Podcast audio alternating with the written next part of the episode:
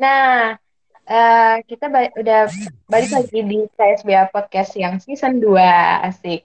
Duh, nah kemarin kan udah episode 1 itu udah dipandu oleh Kak uh, Nanda sama Yozan sama ada bintang tamunya Bang Gorip nih. Nah, sekarang balik lagi nih di episode kedua dan dengan uh, yang berbeda gitu kan. Di sini uh, kalian akan ditemani Nama Roski Pangaribuan, aku dari Fakultas Hukum Universitas Diponegoro angkatan 2019 dan aku di sini nggak sendirian nih teman-teman. Aku ditemenin oleh temanku yaitu Halo teman-teman, kenalin nama aku Harlando Pratama Siregar. Aku dari Fakultas Hukum angkatan 2019. Jadi salam kenal semua. Halo Kalando, halo. halo Nah, di sini kita nggak berdua doang nih ya kan Kak Lando, bener gak iya sih? Nah, ya kita ada bintang tamu spesial ya kan Kak, bintang tamu ya. spesial. Nah, sebelum sebelum kita ke bintang tamu spesial nih Kak, eh, aku tadi kan aku udah ini kan kasih tahu kita ini tuh kipot gitu, KSBA podcast. Nah, Kakak uh, Lando uh, kasih tahu dulu dong apa sih itu kipot gitu ya? apa sih kipot mungkin ada uh, para pendengar setia kipot ada yang belum uh, ada yang lupa nih apa itu kipot gitu kan. Padahal episode satu kemarin udah di spill gitu kan. Tapi uh, kita di sini masih tahu lagi aja nih Endo gimana apa itu kipot oke okay, jadi jelasin aja ya. Jadi, KSBA Podcast atau disingkat Kipot adalah salah satu program kerja dari Departemen ARD KSBA yang mana akan membahas serba-serbi mengenai mahasiswa dalam bentuk podcast gitu Kak Claire. Oh, berarti itu salah satu uh, proyek kerja dari uh, eh, KSBA gitu ya Kak? Iya betul. Betul Nah, KSBA itu apa sih? Coba kasih tahu lagi Nindo, apa itu KSBA? Nah, KSBA itu adalah salah satu UKM fakultas hukum yang fokusnya itu adalah mengenai kajian bahasa. Makanya kepanjangan dari KSB itu sendiri kan kelompok studi bahasa asing gitu. Oh, oke okay, oke okay, oke. Okay. Nah, kita uh, udah udah dikasih tahu nih apa itu KIPOT, apa itu KSBA ya kan. Nah, balik lagi nih ke bintang tamu spesial kita. Siapa sih bintang tamu spesial kita pada hari ini, pada episode 2 kali ini? Siapa ya? Oke, langsung aja perkenalkan dirinya yang kayak martabak. Silakan Kariska. Oke. Halo Kariska. Halo teman-teman. Aku kenalin diri dulu ya. Perkenalkan nama iya, aku Rizka Milini Putri, bisa dipanggil Rizka. Aku dari Fakultas Hukum Undip Angkatan 2018. Kurang panjang gak nih perkenalannya? Kurang, Kak, kurang, kurang. Waduh, uh, harus tambahin apa nih? kurang status hubungan, iya, status hubungan kayak. Aduh kurang penting. Jangan jangan jangan. Oke. Eh, oke. Apa kabar Kariska? Baik dong. Kalian gimana kabarnya? Eh, puji Tuhan. Baik kak. Lando gimana kabarnya dok? Ya selalu baik ya kak. Is okay. selalu baik. Anak KSBA. Asik. nah, kak. Uh, tadi kan kakak udah perkenalan nih. Nah, aku oh ya, aku kasih tahu dulu nih untuk para pendengar setia Kipot, aku mau kasih tahu Kariska ini salah satu presiden direkturnya uh, eh, KSBA tahun 2021 ini. Nah, sebelumnya aku mau nanya nih Kak, kenapa sih Kak Rizka uh, pengen uh, masuk KSBA ini? Dan dari tahun berapa Kakak join di KSBA ini, KSBA ini Kak? Oke, aduh aku jawab satu-satu ya. Aku itu gabung dari zaman maba, berarti tahun berapa tuh?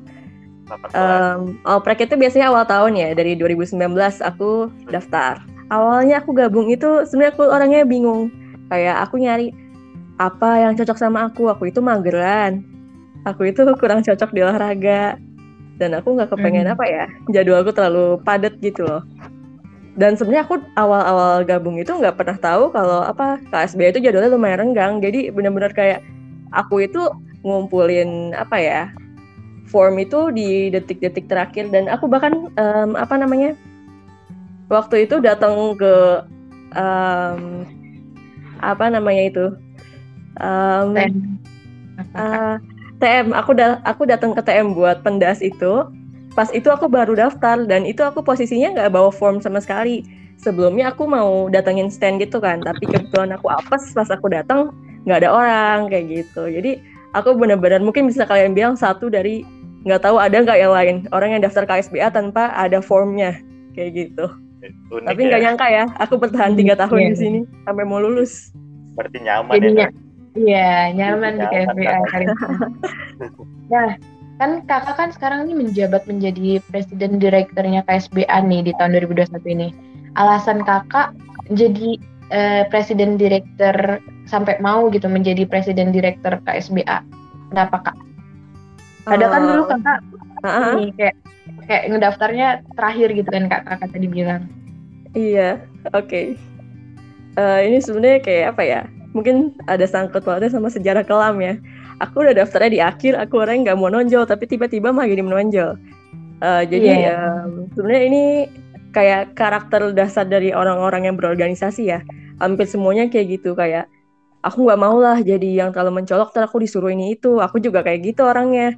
Tapi aku apes nih um, pas tahun pertama aku itu di departemen aku kayak yang aktif tuh cuma nggak sampai setengahnya. Jadi otomatis karena aku orang yang gak tegaan lah aku bantu um, ya sejak kita nongolin diri itu kan namanya kita dipandang sama orang ya.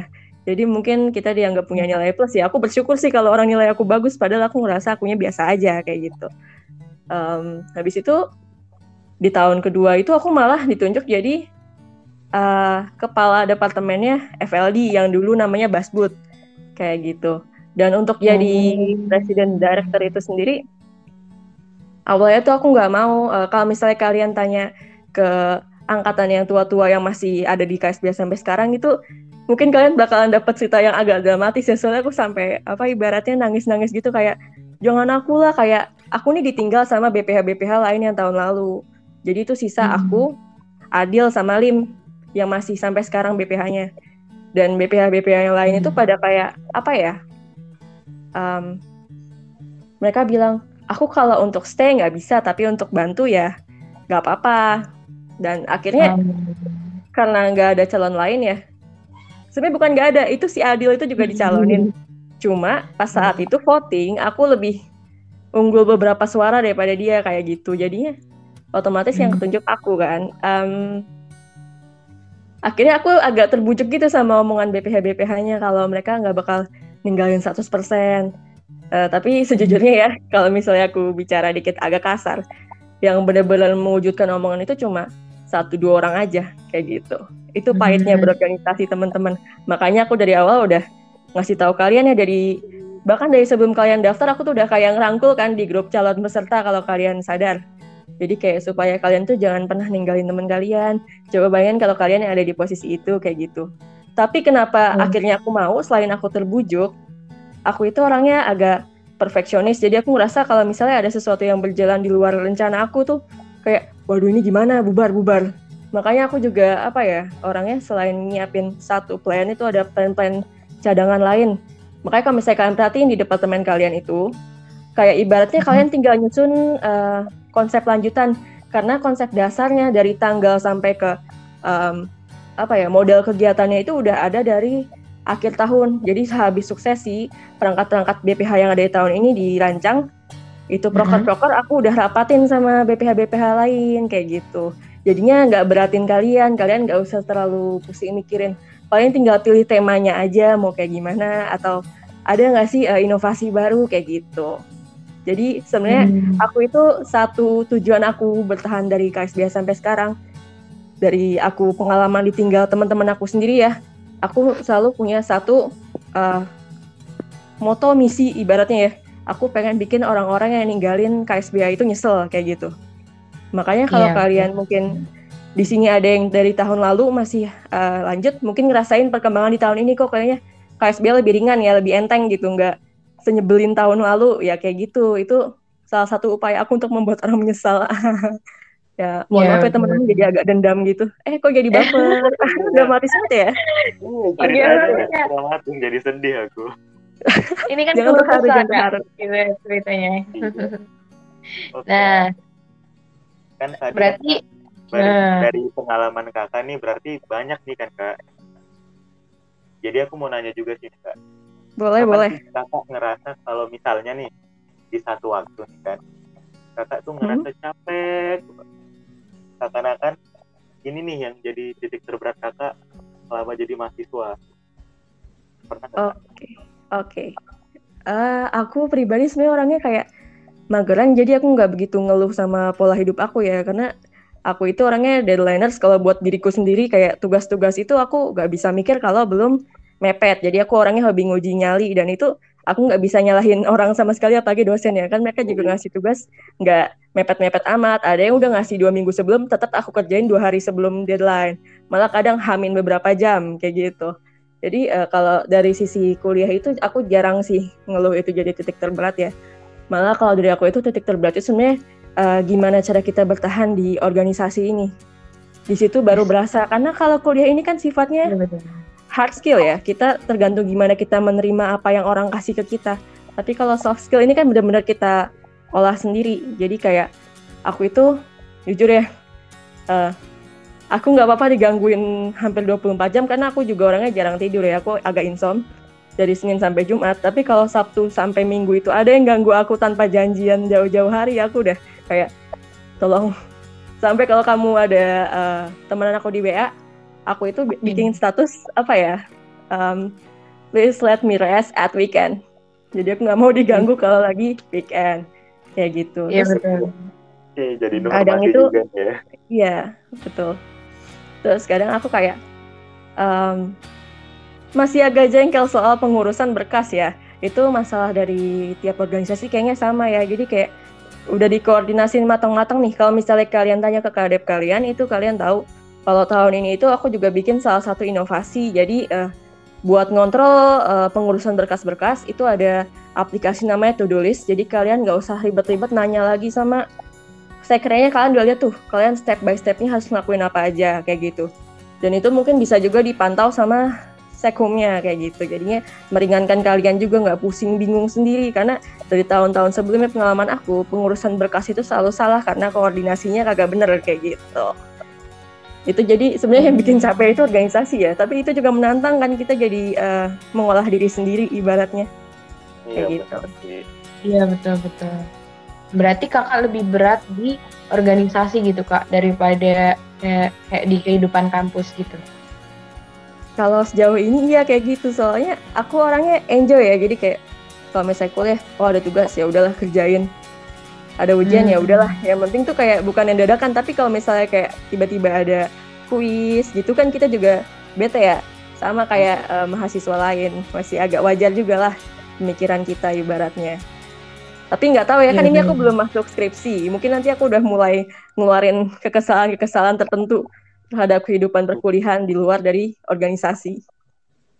Iya bener kak. Apalagi nanti mikir skripsi, mikir organisasi juga ya kayak. Bener banget Hmm. Nah dulu nih kak, eh, aku mau nanya. Eh, kakak kan dari semester 1 sampai saat ini nih kakak mau skripsi nih. Ada nggak sih kak di di kampus gitu dosen yang membuat kakak tuh moodnya eh, kayak langsung kayak bikin buat bad mood gitu loh. Ada nggak sih kak? Kan oke walaupun kakak lebih capek di eh, kayak kepengurusan di organisasi gitu kan kak. Oke.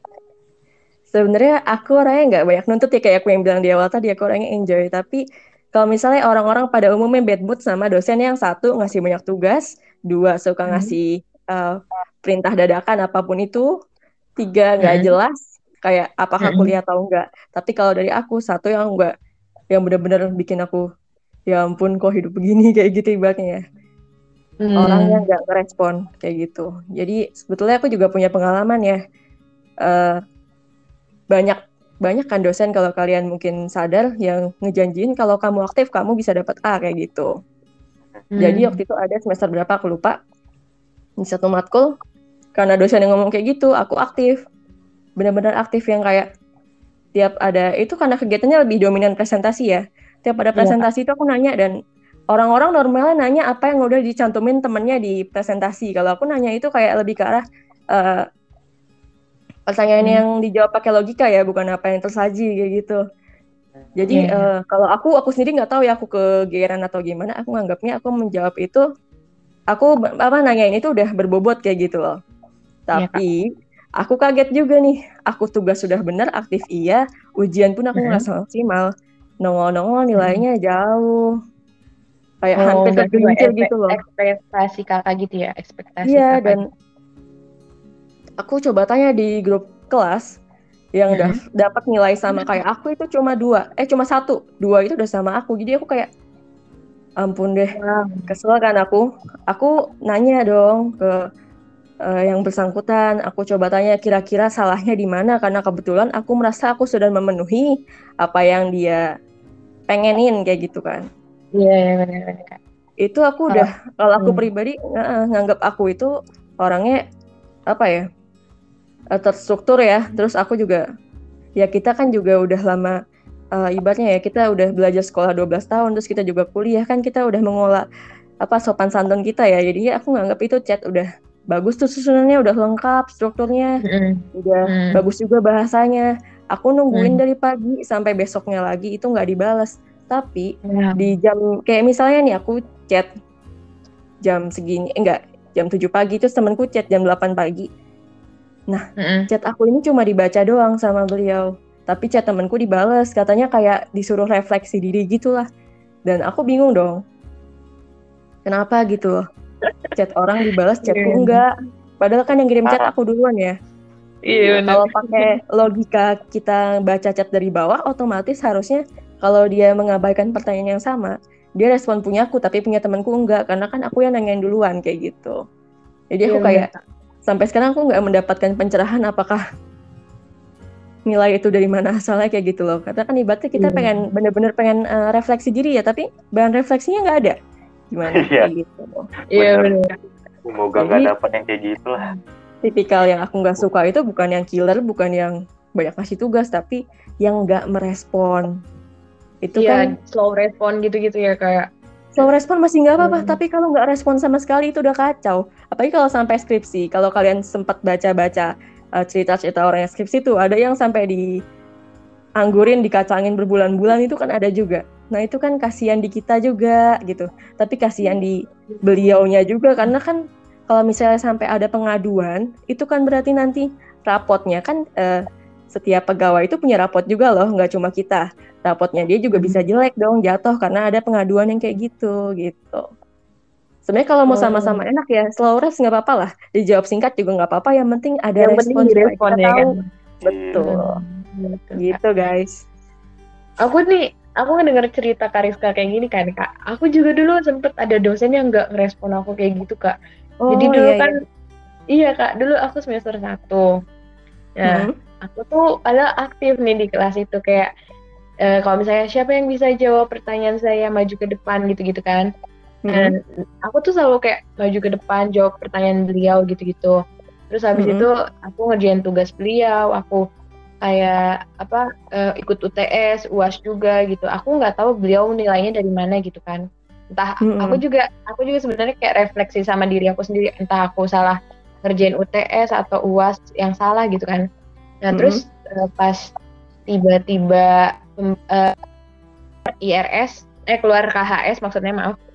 Hmm. Ternyata uh, yang keluar itu gak sesuai dengan ekspektasi aku. Padahal aku tuh kalau misalnya nanya-nanya sama sama kating-kating lainnya gitu kan, ternyata dosen itu gampang kok kayak gini-gini gini gitu. Yang penting kita uh, suka jawab aja gini-gini. Tapi aku udah sering jawab gitu loh kak. Kan waktu itu kan offline kan, kayak sering hmm. maju ke depan aku bilang terus aku suka apa eh, ngerjain tugasnya beliau juga nggak nggak pernah hmm. kayak telat ngumpul terus UTS ikut UAS ikut kok nilai aku kurang ya di luar ekspektasi aku kayak gitu gitu nah aku hmm. ya udah coba aja chat dosennya katanya gitu kan terus aku tanya tuh aku aku ngechat tuh udah aku nyampe nanya berkali-kali gitu loh kak sama teman-teman aku eh chat aku udah bener gak ya kayak gini gini gini kayak gitu gitu hmm. mau ngechat dosen udah bener gak udah sopan belum ya udah kok udah kok banyak yang bilang gitu kan kak. Terus mm -hmm. aku ngechat uh, beliau tuh nggak direspon kak. Kalau misalnya di read masih mending kak. Ini mas saya nggak di read gitu. Karena centangnya tuh centang dua tapi nggak biru gitu ya. Nah kan oh, iya. aku kayak kayak aduh gimana ya gitu kan. Terima nggak terima sih sama nilainya daripada nanti kalau misalnya beliau bilang gimana kalau saya turunin lagi? Aduh aku juga mikir juga sih ya di situ. Tapi ternyata nggak direspon sama sekali sama dosennya gitu. Terus abis itu ya gimana ya kam maksudnya aku kan di situ maba gitu kan baru semester satu. Udah ngerasa yang namanya nggak direspon sama dosen gitu nggak enak gitu loh kak.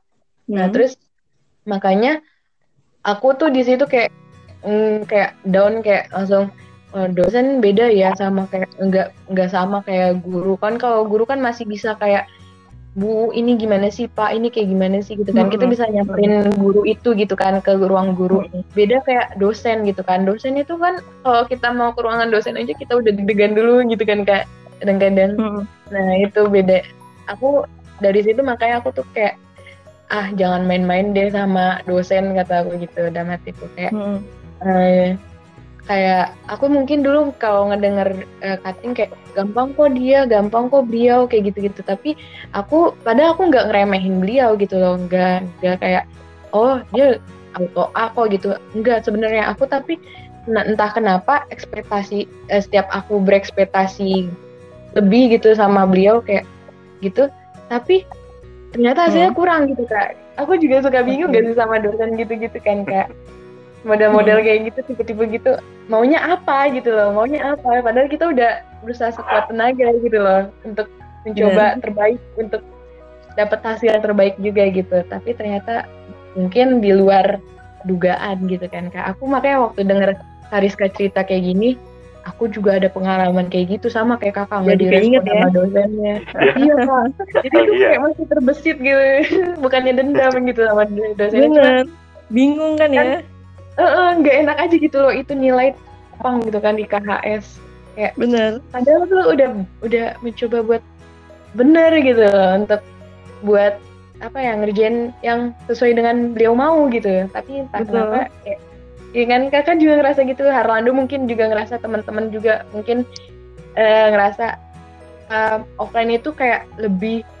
susah gitu nggak sih kak dibanding online ini? Kayak aku nggak yeah.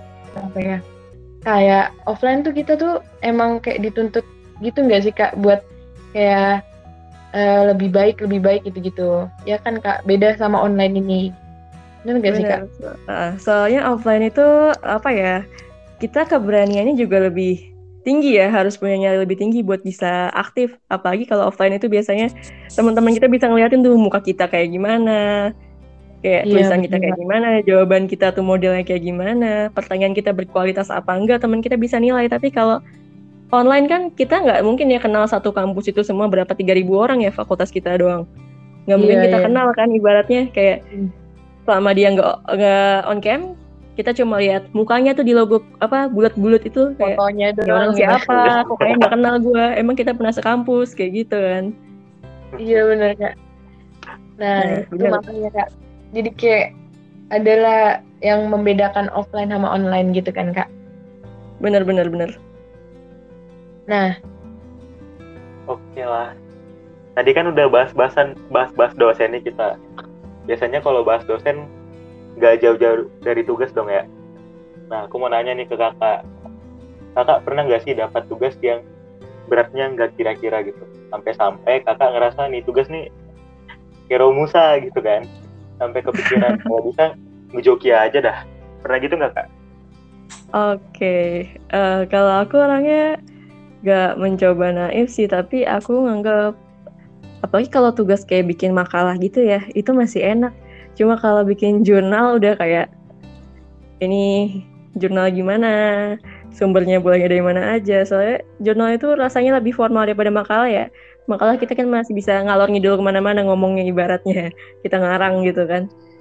Uh, tapi kalau iya. jurnal itu apalagi kalau udah diturnitin itu kan ribet banget. Karena uh, gimana ya jurnal itu singkat tapi berisi gitu loh. Susah. Hmm, yeah, buat kita yang kalau nyusun makalah masih nomor satunya pengertian apa yang dimaksud dengan bla bla bla. Nomor dua, apa ciri-ciri dari bla bla bla. Kayak gitu kan masih makalah basic dari zaman SMA ya. Dan sejujurnya hmm. sampai zaman kuliah ini kalau aku mager ngerjain aku juga seringnya bikin makalah kayak gitu. Cuma kan ada beberapa dosen yang punya tuntutan tertentu kayak minimal dua rumusan masalah dan nggak boleh pakai hal yang basic. Jadi harus langsung to the point permasalahannya tuh apa aja. Nah kalau yang kayak gitu baru susah karena untuk makalah biasa tanpa ketentuan yang kayak gitu kita bisa bikin lima rumusan kan ya. Satu rumusan itu bisa lah kita atur kayak satu sampai dua halaman untuk mencukupi ketentuan 10 halaman kayak gitu. Cuma untuk tingkat kesulitan yang ada pengkhususannya itu kan beda. Jadi otomatis untuk satu permasalahan kita harus bisa menjabarkan lebih detail kayak gitu. Cuma kalau aku sendiri kayak balik lagi yang ngomongin di awal, jangan dicontoh ya teman-teman. Aku itu orangnya deadlineers, nggak bisa mikir kalau belum mepet kayak gitu. Jadi aku sendiri nggak nganggap ada kayak kesusahan khusus ya. Apa mungkin karena kita juga anak hukum itu kan lebih ke arah logika ya sama hafalan. Beda sama anak saintek dan aku juga masuk hukum karena aku nggak mau masuk IPA gitu. Aku sekolah dulu IPS oh. sama dong ngitung-ngitung? Ya lebih banyak ke sosialnya kan kak. Betul. Hmm. dulu lah. Lando tuh IPA atau IPS tuh? Aku IPA Waduh, anak pintar. Dasar. Berarti beda nih Kak dari kita nih Lando nih. Wah, wah, wah, wah. Nah, tadi kan Kak, uh, berarti Kakak udah kayak walaupun kayak banyak tugas gitu, Kakak nggak mau pakai joki atau gimana gitu? Nggak? Ah, kalau berkaitan sama joki ya, aku pribadi nih, aku ngerasa nih kalau aku nggak mager, paling aku bisa buka joki. Cuma aku mageran orangnya kayak gitu. Jadi aku tuh orangnya kayak apa ya? Menghargai originalitas dari uh, tugas aku sendiri. Jadi aku pun kalau tugas itu nyamut misalnya kayak aku ngambil referensi A, B, C, D itu aku nggak copy, aku apa parafrase ya. Jadinya itu isinya bahasa aku sendiri. Aku juga kebiasanya itu kalau ngerjain tugas, aku nggak langsung baca sumber aku kerjain, tapi aku itu kayak misalnya nih aku ngerjain tugas sehari sebelum deadline, kayak pas awal dikasih tugas itu aku sebenarnya kayak nyari-nyari sumber aku downloadin ter dibacain entah kapan tahu gitu ibaratnya Nah, habis itu pas mepet-mepet aku mau ngerjain, aku baru baca-baca tuh. Semuanya aku baca sampai habis. Terus kalau bisa itu, habis itu aku nggak baca lagi tuh, stop. Jadinya untuk aku ngerjain tugas, itu aku kayak uh, remind gitu loh. Ingat apa yang udah pernah aku baca, aku ketik dulu seadanya, habis itu aku buka lagi. Nanti kalau misalnya ada kurang, aku tambah, tapi aku nggak ngerubah dari bahasa awal yang aku bikin. Dan itu kan jadinya uh, udah kayak pemikiran kita ya, walaupun itu berarti mengacu dari karya orang lain, kayak gitu. Jadinya kalau misalnya kita udah punya bekal kita bisa parafrase tuh enak loh. Kamu bisa bikin joki. Bisa buka jasa joki sendiri kalau kamu bisa parafrase. Tapi sayang aku mager. Gitu guys. Jadi ide bisnis ya kak. Joki. Iya. Benar tapi jangan jangan sampai ya guys. Kalau ketahuan itu bisa dapat hukuman. Jadi jangan buka jasa, joki, buka jasa joki ataupun ya. jangan sampai pesen joki. Iya. Tapi nih kak kalau misalnya joki tugasnya gratis Ki. Kakak mau nggak tuh ya? Aku itu kalau balik lagi kita ngomongin joki, balik lagi ngomong ke perfeksionis dan segala macamnya aku udah uh, ngomongin banyak banget di awal ya. Mungkin kesannya kayak sombong, cuma sebenarnya aku nggak pengen nyombong karena aku emang kayak gitu. Jadi uh, ibaratnya yeah. kalaupun dikasih gratis itu aku nggak nggak ini loh, nggak apa apa namanya nggak tergiur aku emang suka kadang kalau sama temen aku bercandaan gitu kan karena aku orangnya deadlineers jadi kalau misalnya mereka nanya ke aku mereka tuh udah tahu nanya ke aku tuh jangan sampai nanya pas awal-awal. Pas mau deket ngumpulin baru nanya karena aku belum ngerjain kayak gitu. Karena emang beneran belum yeah, ngerjain bukannya sombong nggak mau bagi-bagi kayak gitu.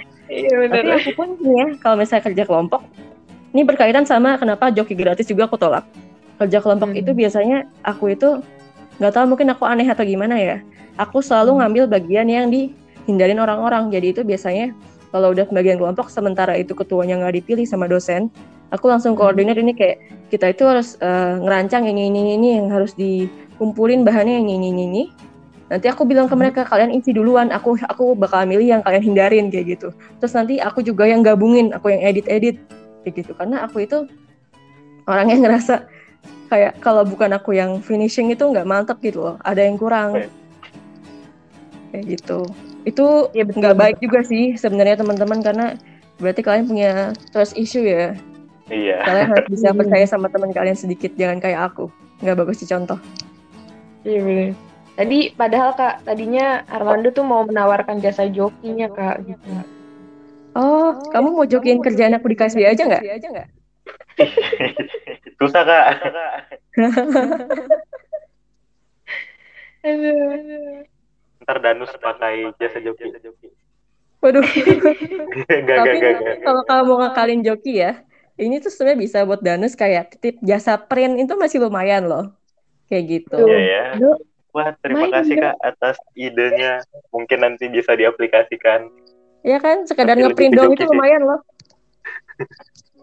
Apalagi kalau printer Bener-bener. sendiri. Iya kan? Iya ya. Bener Jadi- juga. Jadi ngomongin bisnis kita. Jadi ngomongin cuan ya kita nih.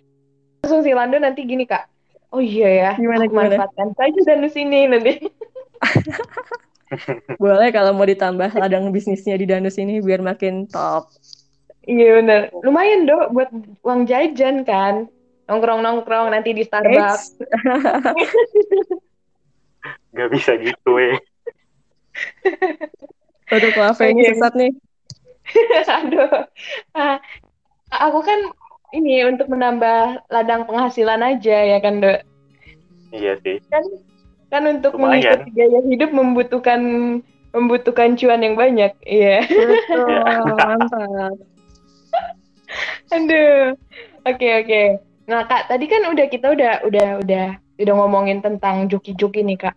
Aku di sini aku mau nanya nih kak tentang kehidupan roman-roman di kampus kakak nih. Boleh gak sih? Kayak, Waduh, dalam nih dalam. Kayak Ada soundtracknya nggak nih?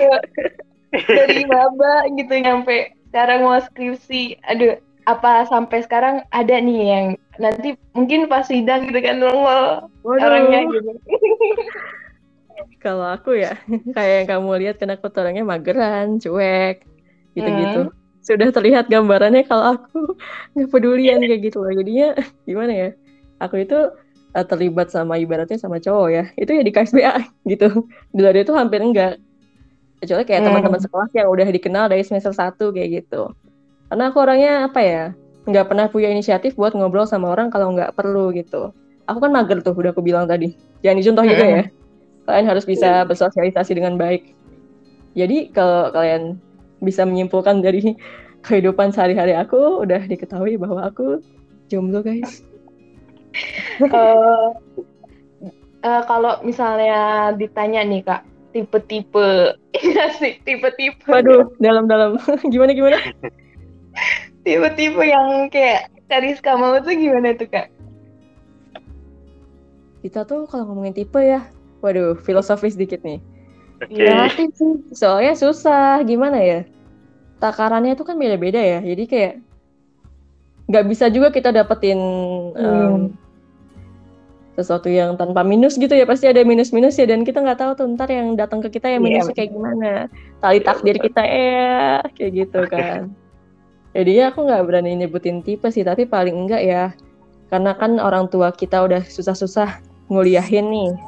Sampai kita bisa eh, sejauh ini gitu ibaratnya prestasi kita kita udah bisa eh, kita Iya. dapat hard skill soft skill dari organisasi dari perkuliahan dari dosen-dosen dan teman-teman pengalaman semuanya didapetin dari kita bayi sampai sekarang pendidikan ekonomi segala macamnya itu kan kita udah di apa ya disupport sama orang tua jadi kalau aku Mm-mm. pribadi ngarepin paling enggak dia bisa menghargai keluarga aku itu satu yang kedua paling enggak dia Iya. punya level pendidikan yang sama kayak aku supaya gimana ya dia tahu gitu loh kerja kerasnya kita dalam memperoleh itu bukan kalau orang-orang kan nganggapnya ih kalau kuliah kan eh, relatif ya karena kan nggak semua orang punya duit. Nah gini sementara kita mau berusaha itu nggak ada yang nggak bisa karena sekarang jalur udah banyak.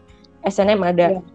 terus ada juga Iya. bidik misi kayak gitu-gitu kan. Itu kan masih jalur itu banyak tergantung kita mau gapai atau enggak kayak gitu. Kemungkinan itu selalu ada ibaratnya. Iya, tergantung betul. sejauh apa usaha kita. Iya jadi Benar, gitu ya. Asik. Terlihat kan Kak Rizka ini tuh kayak ber, apa ya kayak jawabnya tuh kayak orang pinter banget gitu gak, gak sih Dok? Ya kan? Ada Kayak orang-orang terpelajar gitu tau. Berat, iya terpelajar banget gitu. Nanti mungkin tiba-tiba Kak Kak Rizka nih kayaknya yang harus lebih terpelajar gitu kan. Yang aduh pokoknya kalau misalnya itu harus perfeksionis gitu kayak yang tipe-tipe Kak Rizka ini ya kan. Waduh jangan Soalnya- dong kok kok jangan kak nanti jadinya nggak ada yang bisa ngoreksi aku kalau misalnya dia perfeksionis juga. Orang perfeksionis itu egois dan karakternya itu keras kepala ya. Jadinya kalau misalnya dua-duanya perfeksionis nanti pas kita salah yang benerin siapa? Yang ada berantem gitu yang nyabar nyabarin yang support yang ngomelin. Kalau ada salah kan kita perlu uh, apa ya ibaratnya secara nggak langsung kita nyari orang yang bisa melengka, uh, melengkapi kekurangan kita nggak sih? Kayak gitu. Iya. Yeah. mendukung Berarti kita secara emosional. Uh, kayak Iya, iya benar-benar kak. Berarti sampai saat ini support system kakak belum ada gitu kan? Aku nggak ada sih selain keluarga sama KSBA. Sebenarnya walaupun aku bilang KSBA itu ngerepotin aku, tapi KSBA itu support system buat aku karena ibaratnya gimana ya? Kayak pas aku misalnya lagi capek gitu kan, aku kayak hmm. Ya, Kak. Aduh, aku bosan kuliah. Karena kalau misalnya kamu nanti semakin next semester itu tantangan terbesar kamu itu satu. Kamu tuh mulai ngerasa jenuh sama kuliah kamu mungkin nggak ngerasa matkul itu susah tapi kamu merasa bosen. Kayak aduh gimana nih? Pengen rebahan hmm. aja. Apalagi selama online ini ya kita nggak bisa uh, mengusir godaan syaiton untuk rebahan sambil kuliah. Karena kebetulan aku juga kadang rebahan sambil kuliah gitu loh.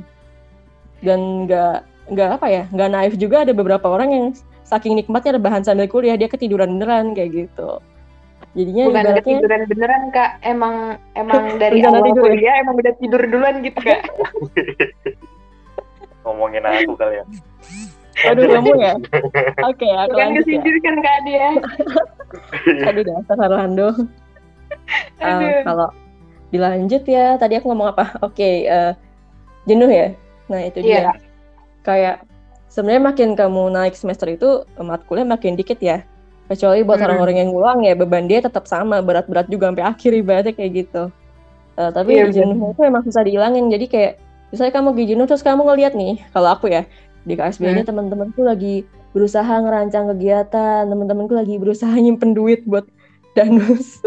Kayak teman-temanku panik nyari ini nyari itu. Kayak kalau aku di lomba ya pusing mikirin juri mungkin yang dari acara aduh webinar ini kayak gimana modelnya kayak gitu kayak yeah, kita nih lagi sama-sama berjuang ya ibaratnya yang lagi di titik terendah itu bukan aku doang yang lagi jenuh itu bukan aku doang. Barangkali teman-teman yang lain jenuh juga tapi mereka masih berusaha megang tanggung jawab kayak gitu. Itu kan yang yeah. menandakan nilai kita sebagai manusia. Seberapa jauh kita bisa mempertahankan apa bahasanya konsistensi dan integritas kita gitu. Kalau misalnya kita jenuh kalau kita capek kalau kita marah kayak gitu-gitu selama kerjaan kita masih jalan ya nggak ada yang peduli sama gimana kondisi batinmu gitu. Ibaratnya yang penting kamu bahasanya ya bahasa kerennya profesional gitu. Iya profesional. Itu tadinya gini kak. Tadinya kalau hmm? misalnya kak Rizka apa kalau misalnya kak Rizka sedang mencari apa super system soalnya Harmando mau mendaftarkan diri katanya eh. waduh. Aku terlalu kekurangan kak. lebih banyak minusnya dari positifnya. Tidak disarankan eh kan tadi Kariska kan bilang biar saling melengkapi dong Oke, aku jadi bakal bakalan paling banyak dikoreksi jadinya. Kerjaan kakak ini ngoreksi-ngoreksi mulu jadinya. Wow. Sebenarnya sih iya gimana? Yang gimana kakak? Ya lupa ya mau ngomong apa. Ya kalau aku ya aku itu sejujurnya hmm. kalau misalnya kalian ngeliat aku lebih ke orang yang serius itu kayak aku itu mungkin orang yang bagi karakter ya hmm. jadi tergantung momen hmm.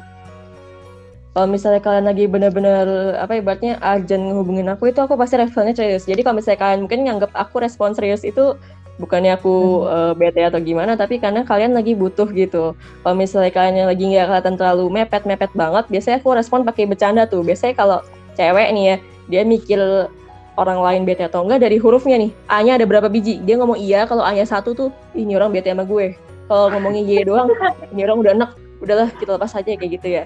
Tapi kalau A-nya banyak A, iya, lu kalau baca sampai sepanjang jalan kenangan tuh, itu tandanya kita masih masih baik-baik aja gitu. Apalagi kalau yang pakai iya. emoji-emoji sampai 20 biji gitu kan, itu super happy ibaratnya.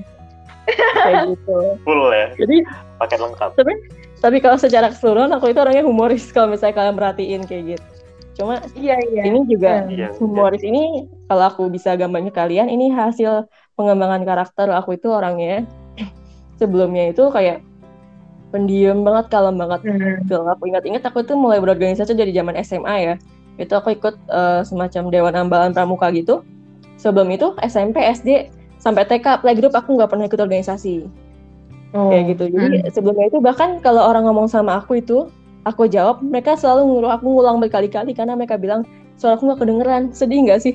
Udah ngomong panjang lebar terus nggak didengerin kayak gitu. Jadi akhirnya aku mulai capek gitu kan ibaratnya ya udahlah gimana caranya aku bisa membangun karakter aku untuk lebih berani.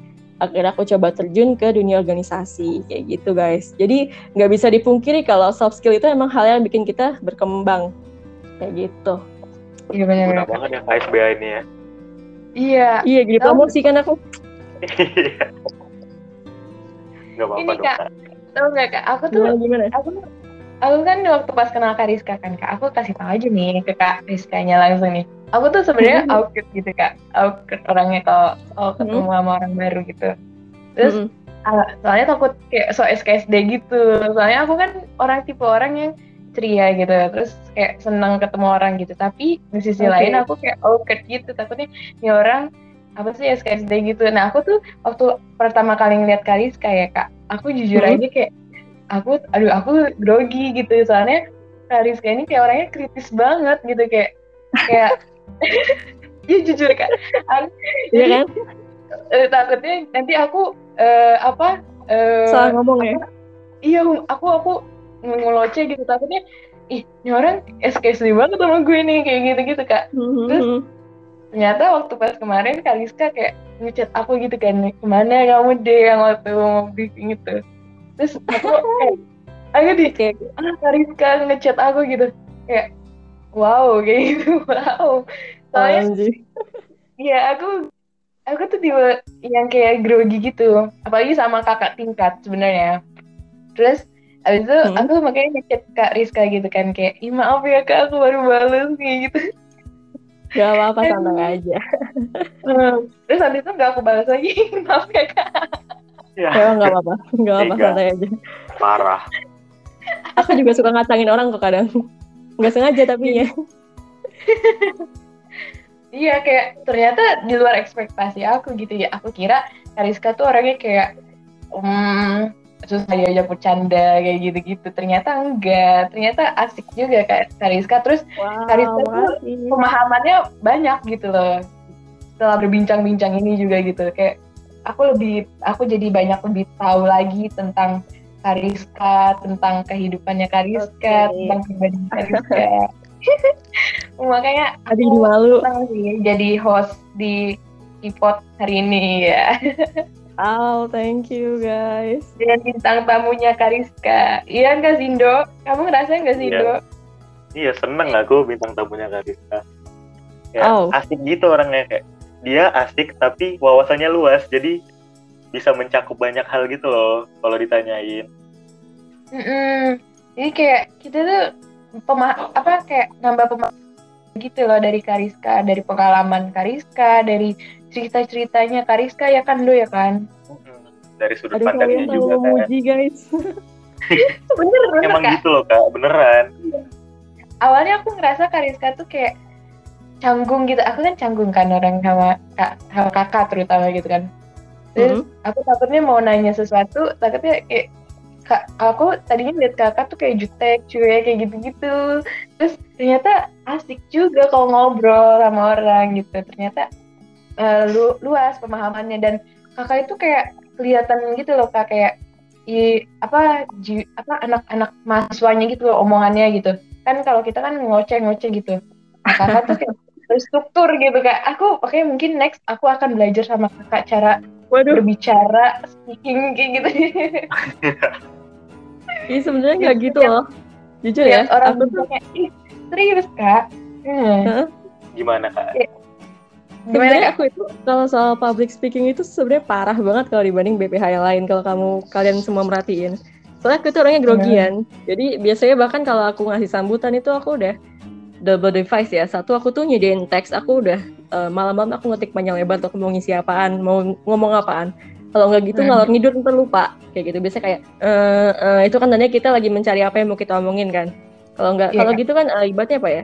Kayak agak ini nggak sih ke, apa kelihatan kurang profesional gitu.